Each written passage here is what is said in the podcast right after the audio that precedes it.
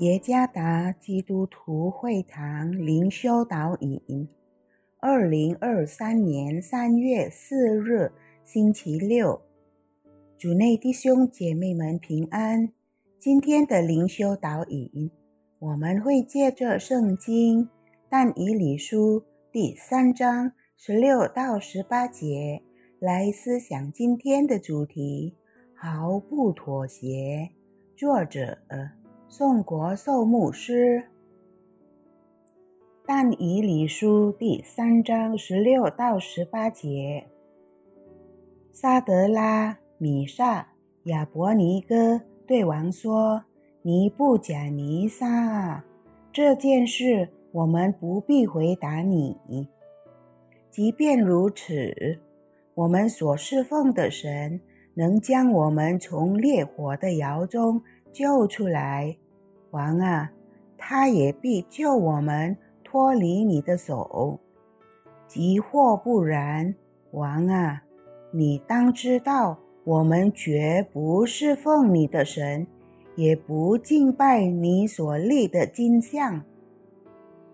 妥协的含义之一是接受或采用低于应有的标准。当一个人面临压力和困难的时候，他通常就会妥协，这样他们就降低实践某些原则或真理的标准。通常，当一个人势单力孤时，压力就会出现。当他行事为人不得不与大多数人不同时，就会面对。某些风险，尤其是压力，伴随着威胁。妥协似乎是唯一的出路。然而，这不是但以理书中名叫沙德拉、米萨和亚伯尼哥的三个人物的写照。尽管他们人数不多，他们仍然不愿意放弃。所信的真理。当时，尼布甲尼撒王造了一个很高的金像，他又令百官以及百姓俯伏敬拜那金像。凡不执行这命令的，将被扔进烈火的窑中。作为明白神真理的犹太人，他们清楚明白。不可俯伏敬拜那金像，但是如果不听从王的命令，就有生命的危险。这威胁是否使他们妥协，或者降低他们实践真理的标准？他们的回答记载在今天的经文里。这三个人。